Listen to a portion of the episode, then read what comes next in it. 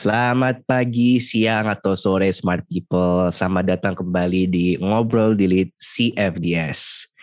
Hari ini topik kita akan sepertinya lanjutan sih dari topik kita kemarin. Kalau kemarin kan kita ngomongin tentang toxic LinkedIn dan dari obrolan kita kemarin sepertinya apa ya dari toxic LinkedIn itu kadang-kadang ada orang yang ternyata suka berbohong atau mungkin rada-rada halu tentang apa yang diisi di dalam apa LinkedIn mereka. Maka dari itu topik kita hari ini adalah tentang berbohong di internet. Lebih banyak manfaatnya atau ruginya? Ah, obrolan kita hari ini di tongkrongan kita hari ini uh, akan ada Mbak Ines. Halo, halo. Mbak. Dan akan juga ada Mas Adat. Halo Mas. Halo, halo semua. Mantap. Nah, untuk mungkin untuk mulai apa uh, obrolan kita hari ini, mungkin aku akan sedikit cerita ya, kayak kenapa orang itu suka banget sih berbohong di internet. Kalau yang aku dari baca-baca dan yang mungkin juga aku lihat sendiri di apa di sosial media aku itu kayaknya tuh orang-orang suka bohong itu ya mungkin akan ada alasan baiknya lah, quote on quote baik. Mungkin kalau dengan alasan baiknya itu ya karena mereka ingin melindungi diri sendiri misalnya. Kan apa ya informasi kita tuh kan penting dan berharga kan dan kita harus uh, sedemikian mungkin mengurangi jumlah orang yang mengetahui data-data pribadi kita. Nah dengan berbohong di internet itu kita seolah-olah mengurangi apa ya informasi-informasi tentang diri kita yang asli ya. uh, yang keluar di internet gitu. Jadi kita biasanya bohong nih kalau ditanyain kamu kuliah di mana? Bilang ya oh saya kuliah di X misalnya atau apa gitu. Ya. oh kamu uh, apa uh, kerja di mana? Oh aku kerja di X misalnya. Jadi kayak untuk membuat semacam barrier antara dunia nyata kita dan dengan dunia uh, apa medsos kita. Tapi di saat yang sama juga ternyata ada orang-orang yang bohong itu demi kepuasan ego mereka Mm-hmm. Jadi mereka itu merasa kayak seolah-olah perfect, penting dan apa ya kalau aku lihat tuh kayak seolah-olah seperti kayak main character syndrome itu loh kalau seolah-olah mereka itu harus jadi oh, utama. Ya I mean are main character of their own stories tapi kayak enggak enggak enggak saya adalah main character dari semua orang story. Itu kayak bener-bener halu kalau menurutku. Ayo. gimana Mbak Ines atau Mas Adat gimana gimana pernah mengalami kah atau pernah juga berbohong di sosmed atau pernah melihat orang yang kalau, halus demikian rupa? Iya, kalau aku kalau, kalau aku ngomongin ngomongin uh, berbohong di internet, aku pikir nah aku tuh suka kayak mencari gitu ya. Eh, nggak uh, mencari sih sebenarnya, kayak lebih penasaran aja nih orang nih beneran uh, dia ceritanya ini benar atau enggak sih yang di storynya gitu di beberapa storyku gitu. Nah tapi memang kalau aku pribadi nanti mungkin yang, yang untuk teman-teman atau yang pengalaman dari teman-temanku mungkin aku akan ceritakan di akhir. Tapi untuk yang aku sendiri sebenarnya berbohongnya lebih kepada uh, itu ya tidak mencantumkan uh, identitas asli ya mungkin ya Rin. Karena memang uh, rawan sekali hmm. terutama kayak misalnya di Twitter, di Twitter lah terutama itu rawan sekali di di di ini ya di bash gitu ya di apa ya diserang habis-habisan ya kalau di Twitter. Jadi aku sebisa mungkin tuh tidak mencantumkan bahkan aku sampai nge-track beberapa Twitter-Twitterku yang dulu dengan kata-kata apa gitu. Nah itu aku coba yang gak, tidak ingin diketahui aku hilangin tweetnya supaya nggak ke-track ketika misalnya aku melakukan tindakan-tindakan kritis biar aja dia orang tahu mukanya. Tapi kalau bisa orang nggak tahu nama aslinya siapa gitu biar biar nggak nggak terlalu dicari.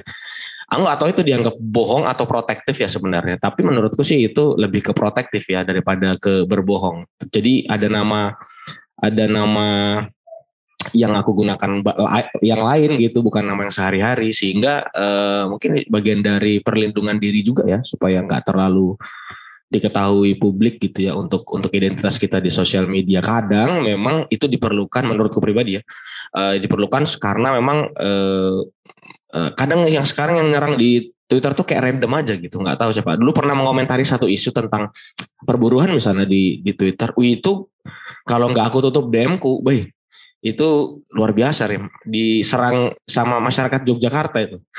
Dulu inget aku cukup cukup aku inget gitu. Dan mereka lumayan tracking tracking dan tapi mereka tidak menemukan apa-apa gitu dari Twitter. Nah itu bersyukurnya kenapa aku dalam tanda kutip berbohong di internet di fase itu. Mungkin mereka uh, juga investigasinya agak kurang sehingga nggak bisa nyari oh ini tuh ternyata dari sini dari sini dari sini tapi kalau yang udah expert yang istilahnya dia nyambungin satu dengan yang lain Nah itu bisa-bisa aja tuh ketemu tuh. Mungkin pakai teknik yang pernah kita bahas itu yang osin osin itu ya mungkin Nes ya. Nah itu bahaya banget.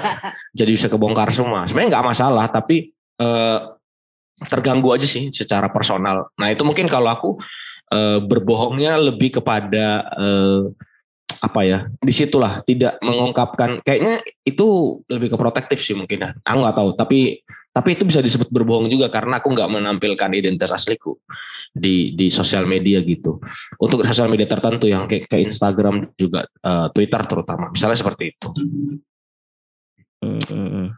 Ya sih kalau menurutku yang kayak semacam itu media-media itu sih nggak apa-apa. Tapi ada berapa kasus yang apa ya yang ya itu sih ng- apa ya yang yang jadi uh, menarik kalau misalnya kita dulu bohong nih dulu dulu ya. misalnya kayak 10 tahun yang lalu kalau misalnya kita bohong di Twitter itu kan orang mana tahu itu kita apa beneran atau asli gitu kan iya yeah. betul, kan betul betul gak, gak bisa di tracking juga kan itu kalau zaman sekarang kan hmm. informasi serba ada di mana-mana dan orang-orang juga semakin interconnected dan menggunakan sosial media jadi kan tahu nih misalnya apalagi apa ya orang-orang yang di apa ya di Twitter yang pakai apa base akun-akun okay, base gitu loh. betul. Itu kan hmm. mereka kan hmm. so apa pura-pura semakin anonimus gitu kan yang kayak ngepost ini nih lagi jalan sama ini nih. Tapi kayak kalau misalnya ada hint of apa ya uh, anything yang bisa apa ya resemblance kepada orang tersebut, orang kan selalu melacak ya loh. Ini kan pacarku dia ngapain jalan-jalan sama kamu waduh kayak gitu kan langsung spill gitu kan oh, mungkin ya, betul, itu bukan betul. Uh, itu kan mungkin bukan contoh bohong yang bohong banget kan itu kayak mungkin lebih ke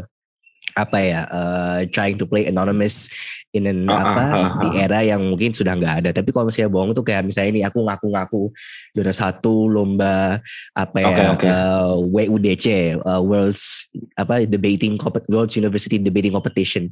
Orang yeah. kan tinggal kontak aja ke panitianya. Halo kak ini si Perdana Karim beneran juara satu WUDC bukan wah bukan siapa itu Perdana Karim? Saya nggak pernah dengar tapi nama dia seumur hidup saya gitu. Nah tapi menarik nih Rim. Kadang itu juga kuat-kuatan dari brand si orangnya. Jadi kadang ada beberapa orang yang juga berbohong tapi dia nge-build kebohongannya itu jadi orang ketika menanyakan tuh publik udah nggak percaya lagi sama faktanya gitu. Ngerti ngerti nggak?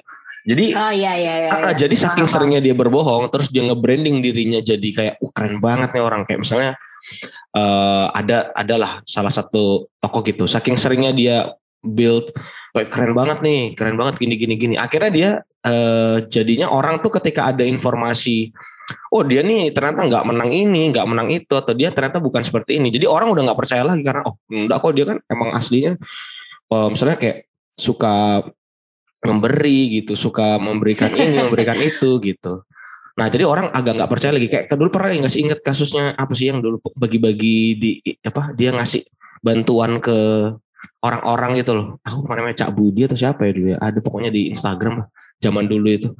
Kan dia orang jadi orang kan percaya dia menyalurkan bantuannya ke orang lain gitu. Karena dia hmm. hmm. karena dia dianggap oh ini ada ada reportnya nih, ada ketika dia pemberiannya ada kayak videonya ketika dia ngasih dia report gitu tapi ternyata kan dananya tidak semuanya dia kasihkan malah ada yang dia belikan yeah, yeah. buat transportasi dan lain-lain itu menurutku bagian dari berbohong yang ketika itu di spill orang juga nggak percaya nggak mungkin lah ini kan dia udah kayak gini bertahun-tahun masa iya dia ngambil ternyata bener, bener. ada satu orang yang yes. mungkin punya intuisi lebih kuat gitu ya bahwa ini bener ya kayaknya cara kayak gini dia cari dan ternyata bener uh, hmm. ya kalau misalnya kita jadi pengelola zakat kan ada anggaran untuk ambil zakatnya ya. Kalau misalnya di, di dalam agama Islam gitu nanti kayaknya dia ambil zakatnya lebih besar daripada Bayakan. yang dizakati jadinya jadinya jadinya agak agak agak meleset. Nah itu menurutku salah satu contoh dia nge-build kebohongannya di internet sampai pada titik tertentu eh, akhirnya dia tarik semua gitu. Ibaratnya kalau sudah sampai ya, di, ya, ya. titik tertentu dia tarik semua. Kasus misalnya lain di Kaskus dulu sempat ada seller gitu ya yang dia uh build reputasinya tinggi. Kalau dulu ada hmm. hijau apa tuh namanya cendol. cendol cendol. nah, dia build sampai cendolnya tuh maksimal. Sampai semua tuh dia ada di top level lah istilahnya di di FJB-nya Kaskus. Tiba-tiba begitu dia transaksinya udah level yang sangat tinggi misalnya rumah atau apa gitu hilang dia jadi dia ngambil di level tertingginya gitu uh, apa berbohongnya penipuannya gitu ada di level tertinggi jadi menurutku uh, dalam beberapa kasus dia memang sengaja membangun ya uh, apa citra itu tadi ya citra uh, yang yang yang yang uh, yang sangat baik gitu. Nah ini mungkin excellent uh, lah ya gitu, betul, sebagai yang seller. Ya ini dalam banyak kasus modelnya seperti itu sih kalau menurutku. Nah mungkin dalam kasusnya yang lain yang teman-teman punya mungkin ada juga nggak kira-kira yang yang yang semacam semacam itu atau ya mungkin yang yang lebih light lah gitu kira yang lebih ringan gitu uh, cerita ceritanya. Aku rasa kayaknya di zaman sekarang itu kan dulu ya kayak zaman dulu ya. Zaman Soalnya kalau sekarang tuh kayak aku rasa bohong yang ampe uh, fakta pun menjadi tidak kredibel tuh jadi sulit gitu loh mas. Soalnya Betul. kayak apa namanya begitu kayak banyak juga yang pengen spill bohong cuy gitu loh. Oh iya iya iya. Kayak iya, iya, apa iya, iya. namanya? Ada deh yang yang soal bohong di sosmed. Sebenarnya ini bukan kayak sisi lain ya, jujur di sosmed gitu loh. Betul. Jadi aku pernah ngeliat di Quora ada yang kayak nanya apakah sisi gelap dari let's say apa tokoh misalnya Jerome Pauline gitu ya. ya Terus ya. aku udah mati kayak sisi gelap apaan gitu loh.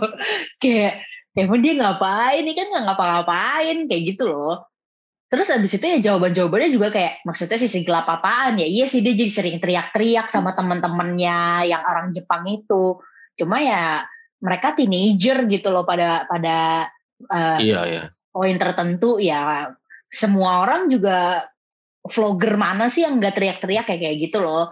Jadi kalau menurut aku sih yang bohong-bohong yang sampai udah di tahap orang jadi nggak percaya atas kebohongannya tuh agak sulit. Walaupun kayak butuh ya itu crackdown orang yang ya orang yang mikir kayak kayaknya ini mustahil deh ya butuh. Yang spill spill kayak gitu. Bahkan untuk yang gede-gede aja kayak apa sih dulu ada akun yang eksklusif hanya untuk meng spill apa yang terjadi hmm, hmm, yeah, yeah. di uh, kejadian kebakaran pabrik uh, rokok kalau nggak salah waktu itu. Iya iya iya. Ya. Kayak ya udah emang orang tuh pengennya spill aja. Nah tapi kalau soal bohong di sosmed itu sendiri, kalau aku sih pribadi tipe yang bohongnya adalah uh, ya udah nggak ngomong apa-apa gitu loh. Hmm. Kayak diem aja kayak misalnya aku sering kayak apa namanya teman-teman aku kayak Nes, uh, yuk pergi yuk, misalnya kayak gitu. Terus aku bilang, ah enggak ah, gue sibuk. Nah terus habis itu aku menghilang tuh dari sosmed. Ya, Kenapa? Ya, Karena kalau aku ya, ngepost aku itu, gabut, nanti akan ditanya gitu kayak. Okay, bener, bener, bener. Ber, berarti berbohongnya, berbohongnya, berbohongnya di lebih ke ini ya mencari apa mencari bukti pendukung ya gitu ya. Maksudnya supaya yeah. mendukung alasan kita di dunia nyata ya.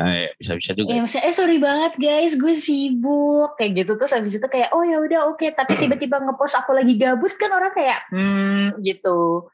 Jadi mendingan diam ya, ya, aja. ya. nggak usah ngapa nggak usah ngomong apa-apa kayak gitu. Atau kalau misalnya kebalikannya kayak eh aduh sorry banget nih gue lagi ngerjain sesuatu. Terus abis itu aku ngepost eh lagi ngerjain sesuatu. Gitu. Padahal okay, enggak. okay, okay. kayak gitu loh. Itu lebih ke pinter sih kayaknya daripada berbohong ya. Jadi lebih strategi, lebih ya lebih strategi ya. Itu kayaknya bisa digunakan banyak orang untuk ini ya untuk meng, meng, mengakali ya, mengakali situasi lah pokoknya gitu. Kayak Dalam menghindar beberapa, dari situasi sosial gitu. Iya, dari situasi sosial, misalnya punya pacar juga alasan kumpul sama ini, padahal foto stok misalnya gitu gitu kan banyak itu kejadian. Itu menarik juga sih kalau kalau untuk yang untuk yang kayak gitu. Nah, tapi memang menurutku eh uh, nggak tahu pengalamannya Karim gimana, tapi dalam dalam beberapa kebohongan. Tadi aku mau lanjutin ceritaku yang sebelumnya ya. Jadi ada ada ada teman bukan teman sih mungkin lebih kepada uh, kenalan gitu ya. Dia juga bahkan sampai pada level dia itu meng, ya tadi yang yang uh, Karim bilang dia mengaku sudah lulus kuliah gitu ya. Sekarang dia bekerja di tempat ini, bekerja di tempat ini, bekerja di tempat ini. Padahal kemudian uh, ketika misalnya sekarang ada ini ya uh, situs yang luar biasa bisa ngecek apa kita sudah lulus kuliah atau belum ya PD Dikti itu ya. Dikti situs, iya, situs kurang ajar itu. Itu enggak enggak nah, cuma buat apa lulus atau enggak tapi kayak apakah dia beneran kuliah, kuliah atau enggaknya betul. itu. Ada SKS ya, yang diambil benar. juga mata kuliah apa yang diambil dan di mana. Dan itu itu itu gila sih menurutku udah sudah cukup menjelaskan. Iya, iya benar. Umum, itu coba. itu data umum. Tapi uh, anyway, aku mencari di situ dan kemudian si orang ini udah bekerja di top level lah gitu ya. Di di mm-hmm. di di, industri, di industri lah di industri gitu. Sampai pada saat aku lihat di itunya nah dia belum lulus dari kampus gitu. Dan ini menurutku menarik. Yang lebih menarik lagi orang ini masuk ke ikatan alumni universitas tersebut. Jadi ini aku kayak loh ini gimana sih sebenarnya? Sampai apakah kebohongannya dia di sosial media ini itu sampai bisa dia menyatakan diri dia lulus, dia bekerja sebagai status di alumni universitas tersebut. Terus terakhir dia masuk di ikatan alumni universitas tersebut. Jadi aku bilang, wah ini agak gila sih gue bilang ini. Ini, ini maksudnya bukan hanya kebohongan yang dia tampilkan di sosial media, tapi juga kebohongan yang dia build di dunia nyata gitu. Jadi jadi kayak apa namanya semuanya aja dia dia dia dia bangun gitu. Yang tadi aku bilang dia bangun itu ya ini salah satunya yang dia bangun. Nah aku nggak tahu sebenarnya um, kenapa ya orang-orang kayak gitu ya? Karena karena menurutku, nah akhirnya sekarang ini ini ini fast forward gitu ya ke sekarang. Akhirnya sekarang dia nggak pernah posting lagi. Kayaknya karena sudah ketahuan bahwa dia punya problem dengan hal-hal itu dan orang lain tahu sebenarnya dia nggak oke-oke banget gitu di di klaim-klaimnya dia di sosial media itu ini sama kayak kemarin kasusnya di LinkedIn yang kita bahas itu seorang ini nge-build citranya dia sebegitu bagus tapi ternyata eh ternyata dia nggak gitu kok nggak gitu-gitu oke banget gitu. Nah itu hmm. jadi jadi bisa sampai hmm. separah itu ternyata uh, orang melakukan kebohongan di internet. Dan akhirnya orang kan juga ngelihatnya kan data-datanya kan dari ini ya dari berita di Google misalnya gitu. Ngetik namanya dia di Google mencari dan lain-lain. Dan itu tuh kayak kalau kalian mencari di Google sampai 10 page pertama itu kayak dibentuk gitu loh. Ngerti nggak sih? Hmm, kayak iya iya iya paham. orang nggak mungkin lah nyari. Orang sangat jarang lah mencari di atas di atas uh, page 10 gitu kalau Google tapi 10 page pertama itu berita-beritanya kayak di di karbit kalau aku bilang sih kayak di dibuat-buat. Ah, iya, iya, iya. Nah, dia mungkin punya kenalan di wartawan di sini, dia punya kenal wartawan di situ. Jadi pemberitaannya itu setelah setelah aku perhatiin gitu ya, aku sebenarnya salah satu yang menginvestigasi sih. Nah, aku mencari terus banyak orangnya kayaknya kayaknya cukup aneh di pemberitaannya dari sektor-sektor ini aja gitu. Nah, ini uh, aku kemudian melihat bahwa orang ini menjadikan kebohongan di internet ini sebagai uh, awalnya mungkin sebagai iseng sebagai iseng. Cepat dia pun ingin menunjukkan bahwa dia ini keren gitu. Tapi kemudian banyak orang yang makan gitu. Banyak orang yang makan kebohongannya dan wah keren ya kak, wah keren ya gini-gini. Wah sekarang udah berkarir di sini ya. Akhirnya makin terus, terus, terus, terus, terus sampai pada level yang di dunia nyata dia juga melakukan itu. Sampai di pekerjaannya dia juga mengaku seperti itu dan lain-lain. Nah, tapi itu aku, emang bahayanya ya bohong nggak sih? Itu sebenarnya itu adalah salah satu alasan kenapa aku tuh jarang bohong sebagai manusia gitu. Karena kalau ini kalau kata ayahku ya dulu waktu aku masih kecil dan ya biasa anak kecil kan siapa sih yang nggak suka bohong gitu kan. Hmm. Nah jadi ayahku tuh bilang gini, e, pembohong yang baik itu akan tahu betapa capeknya berbohong. Dia bilang gitu. Terus abis itu aku tanya kan, ya maksudnya gimana ya?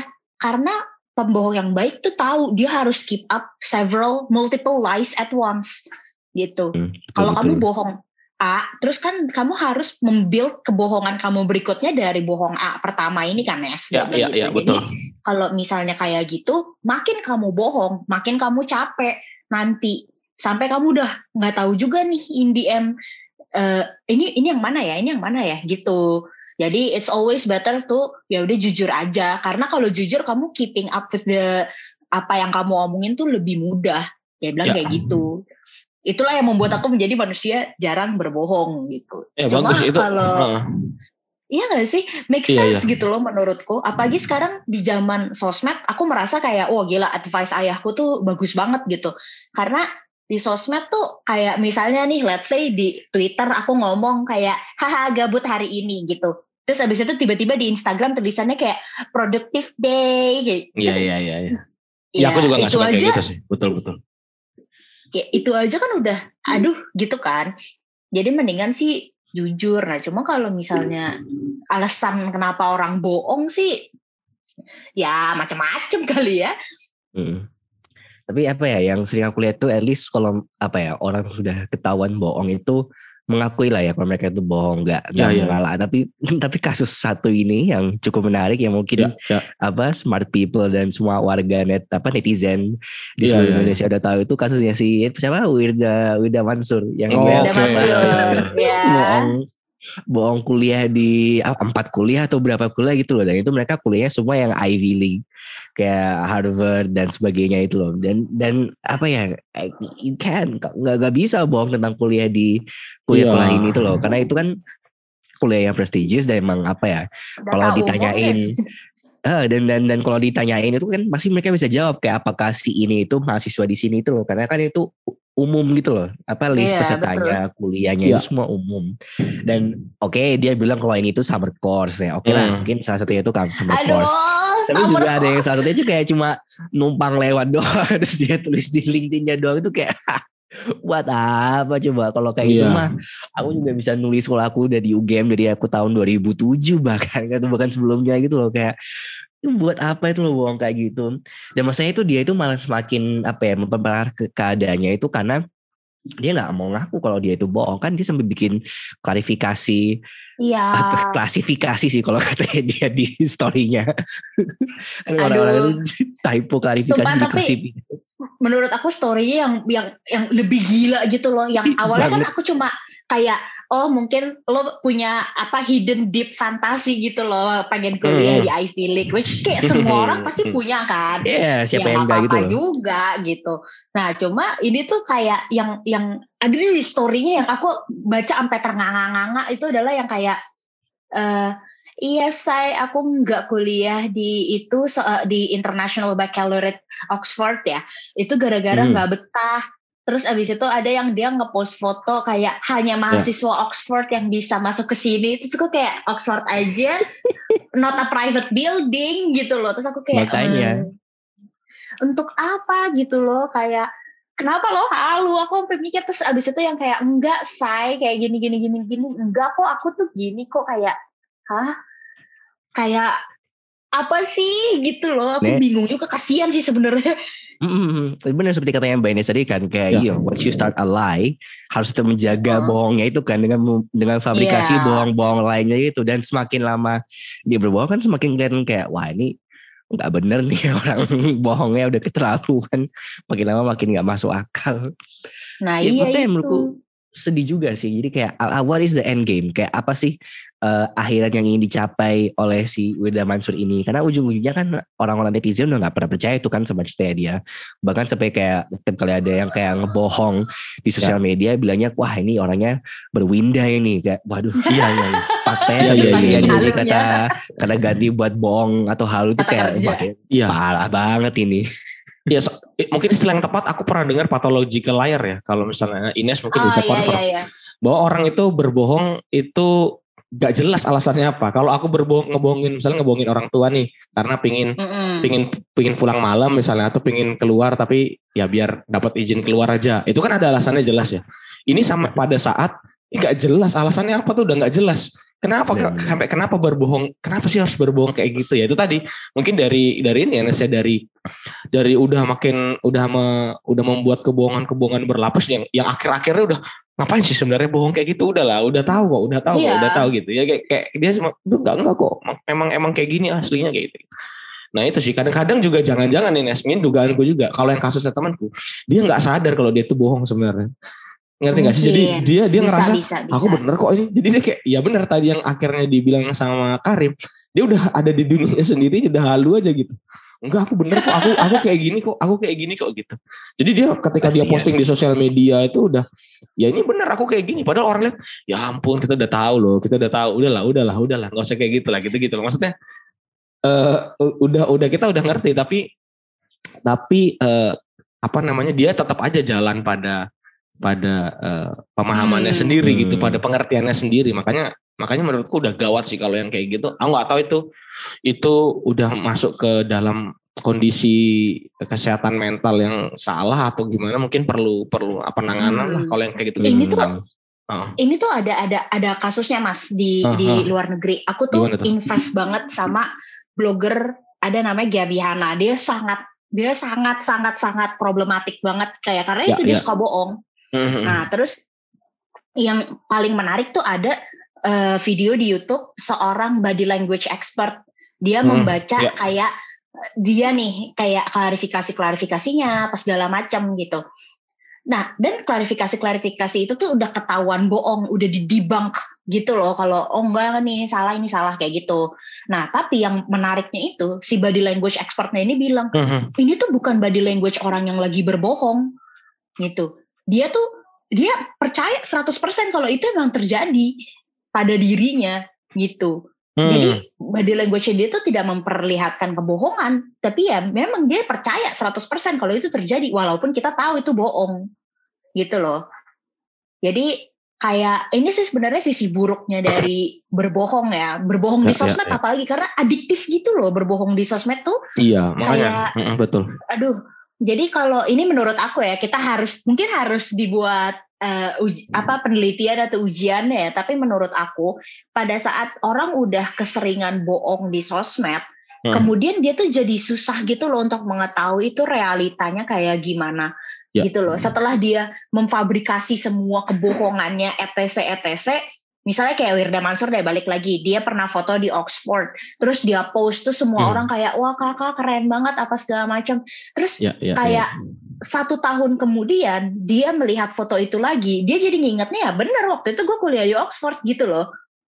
Jadi hmm, kayak ya, bahkan dia pun lupa kalau dia tuh bohong. Jadi semakin uh, anda sering, saya smart people sering bohong nih di sosmed, terus nanti tuh jadi susah untuk mengetahui realitanya, apakah benar anda berbohong atau tidak gitu.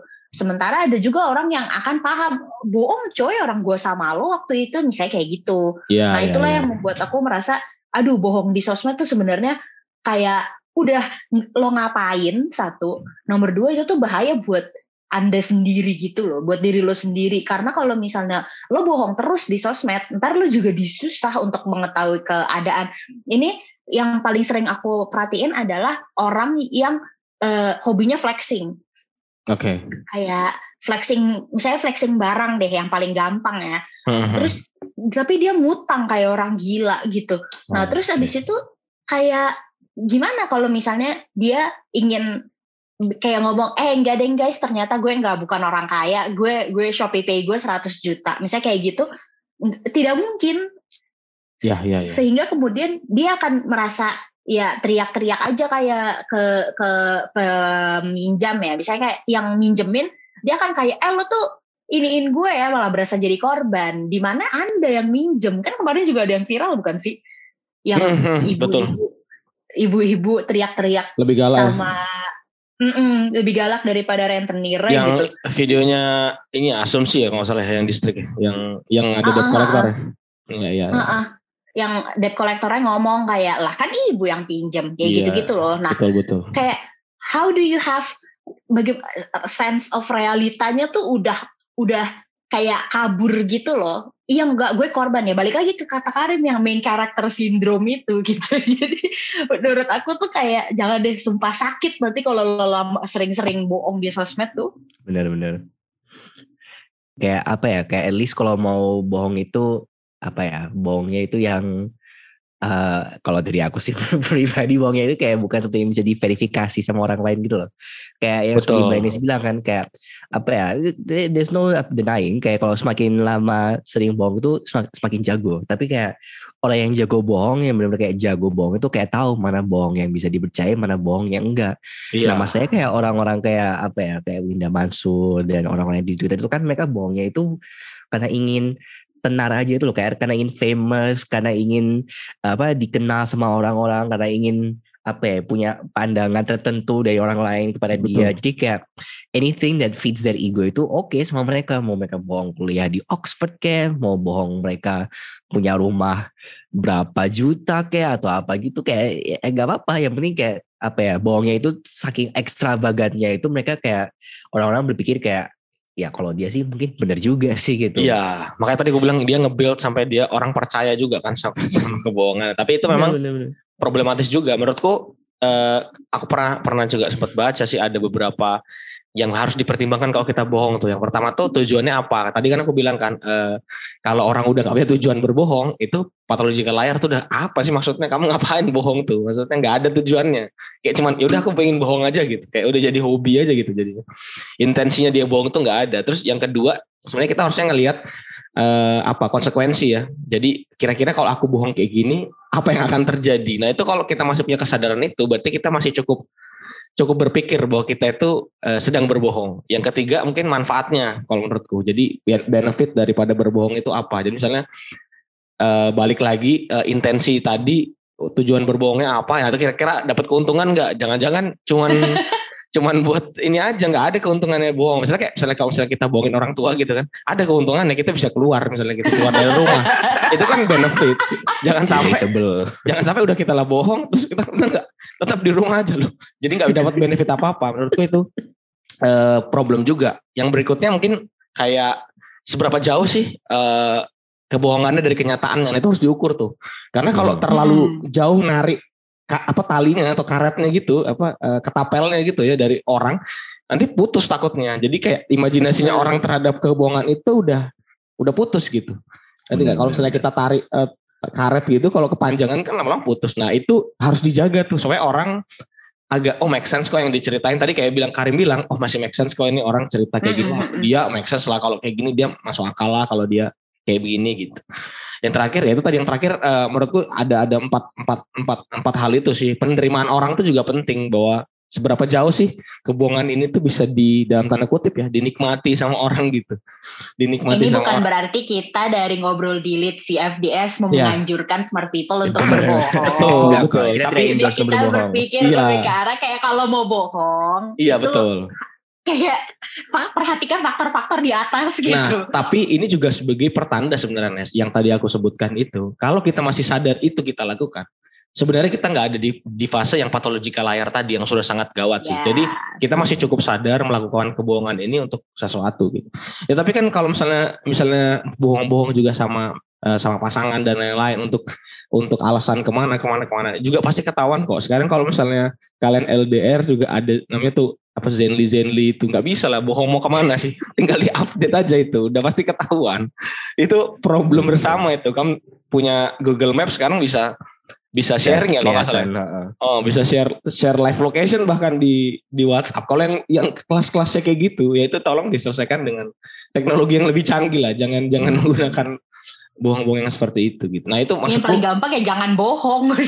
Bener, bener, itu, itu yang paling utama guys, jangan bohong. Iya itu makanya kalau untuk menyelesaikan persoalan itu daripada memikirkan empat alasan tadi, bagaimana sih intensinya, konsekuensinya, benefitnya, terus seberapa jauh kita bisa narik. Mendingan gak usah bohong aja, karena ribet loh untuk memenuhi empat kriteria itu tuh harus sempurna loh kebohongan gitu. Dan gak ada bohong yang sempurna. Kalau dipikirin soal alasan bohong ya. Kayak aku yakin sebenarnya kalau pathological liar tuh menurut aku mereka udah they cannot help it gitu loh. Ya, betul, kayak betul. bahkan mereka gitu juga nggak tahu kalau mereka tuh bohong gitu kan. Nah tapi tuh ada juga yang yang kayak soal berbohong di sosmed yang kemudian jadi adiktif tuh menurut aku adalah bohong yang udah pasti kemudian kamu dipuji sama orang lain. Jadi hmm. jadi edik gitu loh. Kayak misalnya bohong soal Harvard eh yang soal sekolah itu deh si Wirda eh, si berwirda Wirda Mansur ini uh-huh. mereka tuh eh, dia tuh kayak Ika keren ya dia haus akan validasinya itu loh terus ada juga yang apa ini kayak sisi lainnya gitu nih aku punya kayak masalah gitu uh-huh. di mana orang yang berbo dibohong di sosmed biar dikasianin okay. kayak itu aduh gimana ya mendapatkan simpati ya lebih, iya benar kayak lebih sedih gitu loh dibandingin kayak Wirda yang lebih yang pamer ya berbohong uh, uh, pamer flexing hmm. kalau misalnya berbohong untuk dikasih angin tuh aku sampai kayak astagfirullah kenapa kayak gitu iya boleh ya, dulu aku pernah apa? ada hmm? aku pernah ada pengalaman pribadi intinya hmm. tuh aku mutusin cowok oke okay. aku mutusin cowok okay. nah aku kan tipe yang kalau habis mutusin orang tuh langsung cabut dari internet kan. Kayak ya healing healing healing gitu. Okay, okay. kayak ah, aku sosmed detox dulu deh terlalu toxic kayak kayak gitu gitu nah terus tiba-tiba pas aku kembali ke sosmed banyak tuh yang ngomong sama aku lo jahat banget Nes. Oke. Oke oke oke. Terus gue kayak what did I do? Memang gue ngapain kan gue cuma mutusin orang kayak gitu. Karena hubungannya sudah tidak work out gitu. Nah terus Habis itu ternyata tuh orang ini ya black campaign di media sosial, dia bohong soal apa yang terjadi antara aku sama dia. Oke. Okay. Terus aku kayak what? Ya biar orang-orang kayak kasih gila sih Ines jahat banget cuy. Terus aku kayak biar apa ya? Ya betul betul. Biar betul. apa ya? Black campaign berarti tidak hanya tidak hanya terjadi di urusan kepemiluan ya di urusan iya dunia percintaan juga juga terjadi ada ya. black campaign Wahaya sekali nih emang black campaign. Tapi Iya, tapi aku banget. cita-cita simpati itu apa ya? Yang bohong-bohong untuk penggalangan dana itu loh, yang kita nggak tahu apakah Aduh, itu iya. benar apa betul, enggak. betul, betul. Tapi ceritanya tuh udah udah sangat apa ya? mantap udah sekali sangat ya. Udah kayak uh, udah ada narasinya, ada Jadi, videonya. betul. Ini, ini pernah kita bahas nih ya yang pas waktu kenapa orang Indonesia sempat sempat apa sangat sangat suka berderma itu ya yang di yang online Iya, itu. iya, ini iya. itu kita bahas nih. Nih, Tapi kalau kita flashback lagi sebenarnya eh, itu banyak banget kasus kejadian. Makanya nah kita sempat dilihat tuh apa karena orang Indonesia ini mudah disentuh ya eh, apa namanya hatinya Nah, hatinya gitu. Seperti kita bahas itu juga bahwa bahwa paling gampang penipuan yang bukan penipuan ya, mungkin berbohong ya akhirnya akan menjadi penipuan gitu. Ya yang kayak gitu kayak gitu. Tadi kan contoh contohnya yang kita kita bahas kan yang tadi kasus yang Cak Budi itu yang sempat kita sempat aku bilang di awal bahwa dia nge-build untuk eh, kebohongannya itu untuk dia berderma ke yang lain-lain. Orang lebih percaya ke personal daripada ke lembaga. Ini kan juga agak aneh ya. Maksudnya ada Iya, rumah benar, zakat, benar, ada benar. rumah zakat, ada yayasan apa.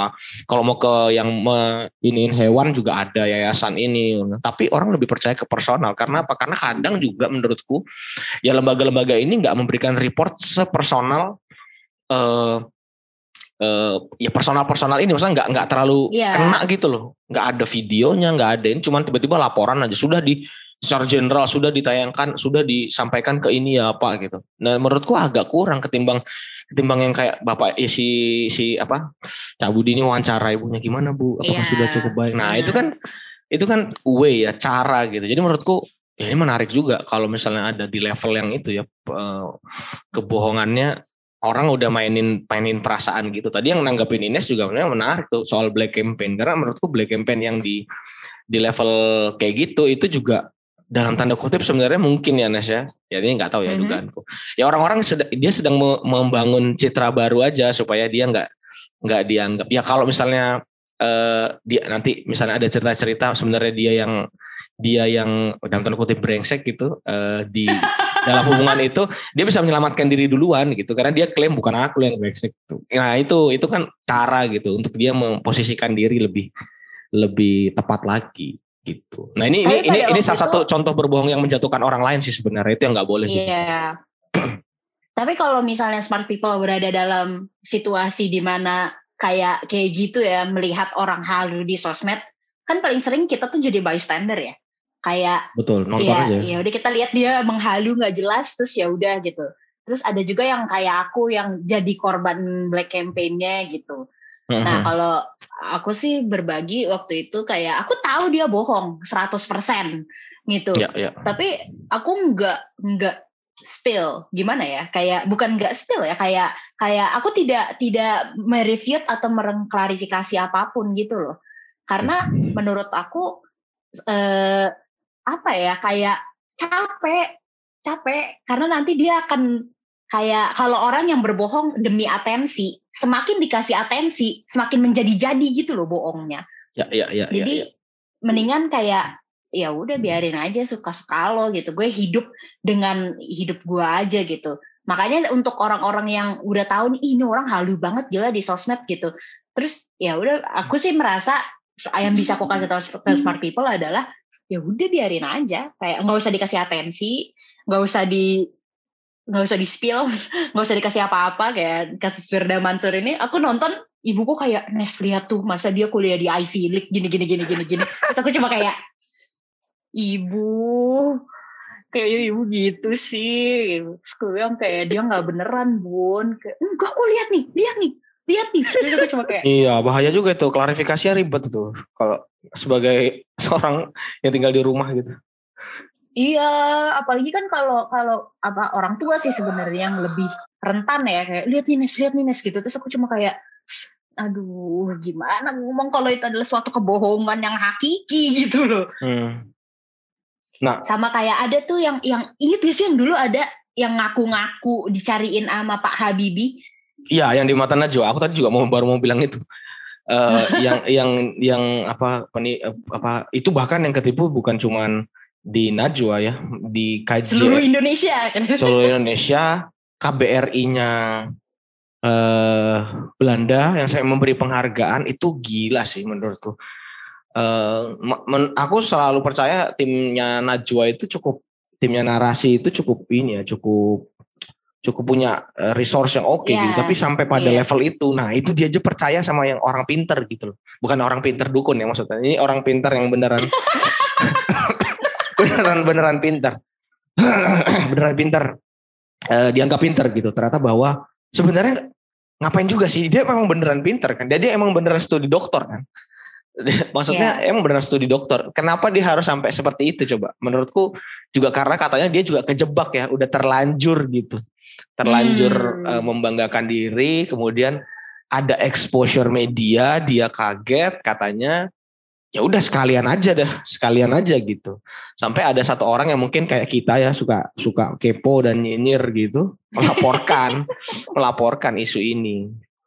Melaporkan isu ini ke ke pihak-pihak yang berwenang termasuk ke KJR KBRI apa KJRI kalau di Belanda pokoknya di Belanda uh, kedutaan besar gitu ya uh, ya ternyata tidak seindah yang diceritakan bahkan hampir 50% dari yang diceritakan di media di media itu uh, palsu gitu. Itu itu juga agak gawat sih kalau menurutku.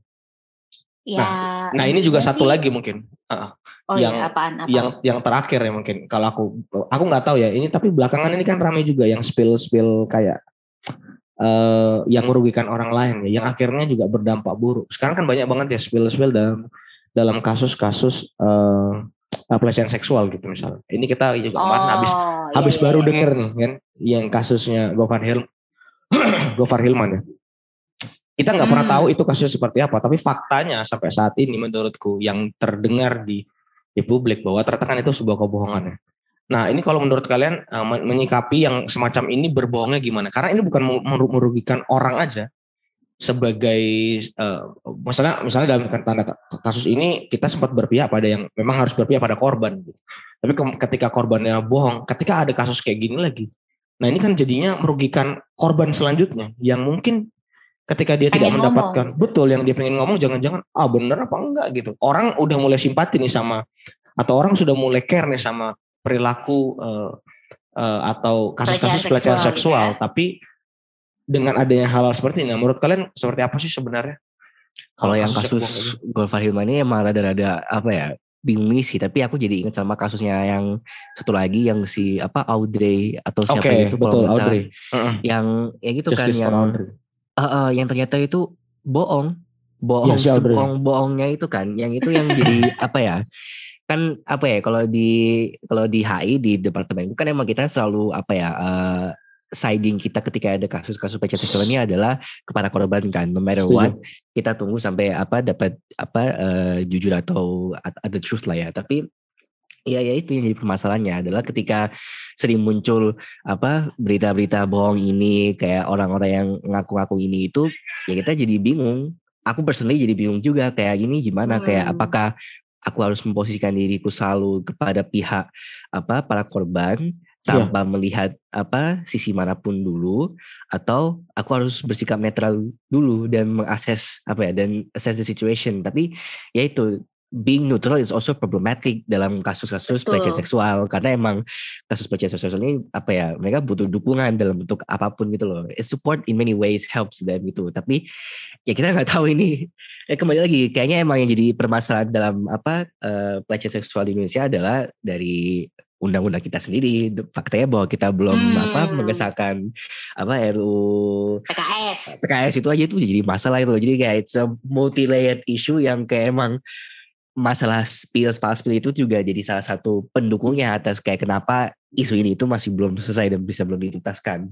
Tapi in a way kalau ya? soal kalau iya kalau soal harus gimana dulu ada nih quote dari uh, Tumblr apa Twitter ya aku lupa. Pokoknya menurut aku oke okay banget deh quote-nya. Kalau dalam kasus pelecehan seksual lo ya. tuh mendingan mendingan lo salah ngebela pembohong daripada lo salah ngebela uh, pelaku pelecehan seksual kayak bener. gimana sih? Benar benar benar. Kayak kalau dia ketahuan bohong, kita cuma kayak anjir gue dibohongin, ngerti gak sih? Hmm. Sementara kalau misalnya eh, kalau korbannya kayak apa ya? Bukan korban ya kalau kayak gitu ya. Kalau penipu pembohongnya itu ternyata ketahuan bohong, kalau dia itu di di uh, lecehin, gitu hmm. kita cuma bisa bilang kita bisa bilang kayak iya gila sorry banget gue gue dibohongin kayak gitu loh hmm. tapi kalau di mana kita udah membela si orang yang teralegasi pelaku pelecehan seksual kalau ya. ternyata benar kita tuh salah banget gitu loh hmm, bener-bener kayak aku sih selalu berpikiran hmm. kayak gitu sih kalau soal pelecehan seksual setuju setuju apalagi kalau misalnya kita lihat di kasusnya Gofar Hilman ini uh, apa ya is not that innocent per se gitu loh. Kalau dari yes. mannerismnya dia, dari tutur katanya dia, perilakunya dia itu sudah rada-rada apa ya, sus, suspicious dari sana gitu loh. Jadi kayak kalau mau dibilang apa dia innocent juga apa ya leaves a bad taste in my mouth karena kalau misalnya kita bilang dia itu hmm. innocent berarti kita juga mengakui kalau pelakuannya dia itu dapat dimaklumi gitu loh. Padahal nggak hmm, juga. Hmm, itu juga sebenarnya udah termasuk dalam ranah-ranah apa pelecehan seksual, cuma tidak dilaporkan saja. Namun ketika misalnya emang yang melaporkan korbannya yang melaporkan dia itu korbannya berbohong, seperti kata Mbak Ines, ya sudah it's a lie, uh, it's been dealt with, damages are already there. Tapi it goes hmm. to show kayak it it puts Gofar Hilman ini dalam spotlight bahwa sadar loh, kayak ini adalah persepsi masyarakat terhadapmu gitu loh. Ya. Masyarakat itu sudah menganggap kamu sebagai orang yang mungkin uh, not to say kurang benar tapi kayak gitu ya ya yeah, it's a potential you know kayak one mishap and people can report you for this gitu loh. Not to say that aku mendukung dia tuh harus hati-hati. Personally sendiri aku kurang serak sama Gumar Hilman tapi kayak banyak temen gue yang suka sama dia jadi kayak agak-agak bias lah apa uh, pendapatku tapi in, in general gitu loh maksudku kayak apa ya kalau mau ya itu kembali lagi pun juga uh, korbannya bohong kayak introspeksi diri lah kayak kamu tuh juga nggak nggak bersalah gitu loh boyo sadar kalau kamu tuh kayak gimana kalau clubbing atau apa gitu gitu gitu sih jadi kayak menurutku gitu sih kayak kalau dalam kasus spill yang apa menunjukkan kejelekan orang kayak yes menurutku itu salah karena itu mungkin amplifying suatu hal yang sudah jelek tapi bukan berarti it, dia itu emang nggak jelek gitu loh. Kayak there's, yeah. there's something there gitu Ya, pelecehan ya, seksual gak bisa diomongin dalam tataran general kayak gini sih menurutku. Benar, benar, benar, emang benar. emang kayak sulit gitu karena in a way ya sulit aja gitu. Belum lagi masalah bohong aja itu udah sulit gimana ditambah pelecehan bohong soal pelecehan seksual tuh udah kayak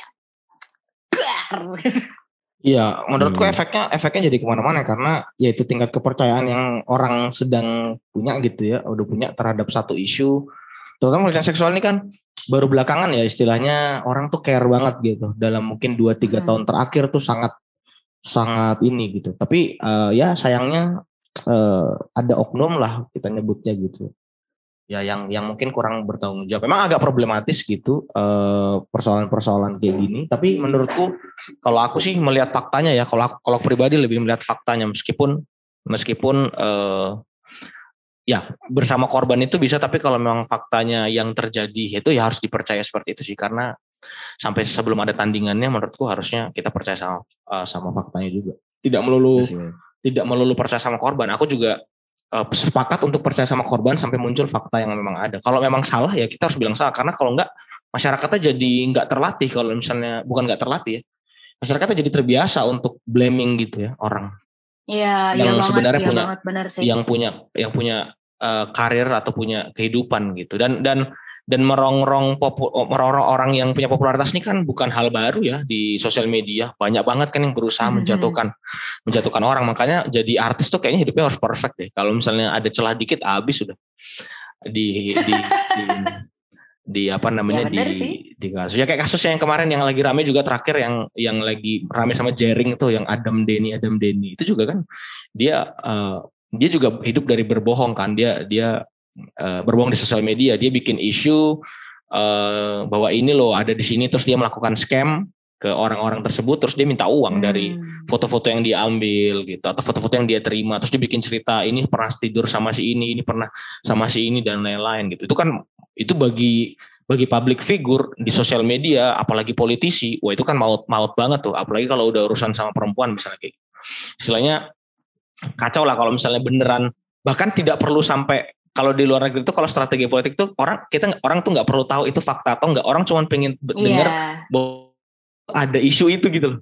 Misalnya kayak yeah. ada seorang politisi yang alim tiba-tiba digosipin ada sama perempuan gitu. Nggak bener sebenarnya. Tapi orang yang mendengar tuh wah ternyata kayak gitu ya ini orang yang kita anggap sebagai eh, apa panutan gitu. Tiba-tiba ada isu sama perempuan atau sama pelecehan seksual gitu. Itu kan meskipun nggak bener ya dan nggak bisa dibuktikan gitu itu udah hancur banget secara brand gitu. Nah inilah yang dilakukan lakukan oleh orang-orang yang model-model Adam Denny ini. Dia melakukan tindakan-tindakan berbohong gitu untuk menjatuhkan orang lain dan juga untuk mengambil keuntungan. Dia dia scam. Pokoknya kalau misalnya kamu nggak mau berita ini keluar kamu harus bayar aku sekian gitu. Nah itu kan uh, bukan scam ya apa blackmail. blackmailing blackmail sorry bukan scam blackmail ya tindakan pengancaman dan juga pemerasan kayak gitu nah ini ini terjadi di sudah terjadi di Indonesia gitu. Jadi memang fakta-fakta yang tadi kita ceritakan itu semuanya terjadi di sekitar kita sebenarnya.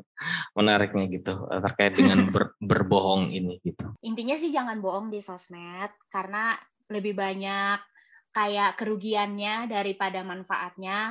Kalau misalnya yeah. mau nutup-nutupin kebenaran, misalnya kayak mencari alasan supaya menghindari situasi sosial atau yang lain-lain, ya itu sih namanya bukan bohong ya lebih ke arah kayak mendingan diem aja tidak yeah. ada orang yang uh, berhutang atensi kepada anda jadi tidak perlu berbohong lah kalau kayak kayak gitu sepakat sepakat emang apa ya sesuai dengan judul kita sepertinya emang berbohong di sosial media itu atau bahkan di internet itu emang lebih banyak ruginya sih daripada daripada manfaatnya. Kayak eh, understandable selama itu demi melindungi diri sendiri that's fine. Aku rasa itu bukan berbohong sih tapi memfalsifikasi apa uh, data pribadi demi keamanan hmm. which is understandable. Tapi kalau misalnya berbohong demi kepuasan ego atau demi atensi dan sebagainya itu ternyata jauh lebih apa ruginya karena kita harus apa ya tetap membangun persepsi bohong tersebut selalu tiap kali ada yang mempertanyakan kebohongan kita kita harus bikin bohong yang baru, bohong, bohong, bohong, bohong, dan lama-lama bikin capek. Sepertinya kita selesai di sini tongkrongan kita hari ini. Siap. Karena sudah waktunya saja. Uh, terima kasih Mbak Ines, Mas Adat udah apa udah datang ngobrol-ngobrol tentang berbohong di sini berbagai macam cerita dan pengalaman sendiri maupun melihat dari teman-teman sendiri juga. Terima kasih juga Smart People sudah mendengarkan podcast kita hari ini. Um, kalau misalnya ada ide untuk topik apa pun, silakan komen. Kalau bisa komen di mana pun di sosial media kita at cfds underscore underscore ugm, betul. Atau juga kalau misalnya tertarik dengan riset-riset kita, Mbak Ines ini juga sering nulis, aku juga sering nulis. Bisa cek di website kita di cfds.visipol.ugm.ac.id kalau nggak salah. Sekian Benar dari kok. kami. Oke, benar. Udah dua tahun nggak hafal sama website. Ya, ya, ya. Sekian dari kami. Uh, terima kasih. Sampai jumpa di kesempatan berikutnya. Thank Dadah. Thank you.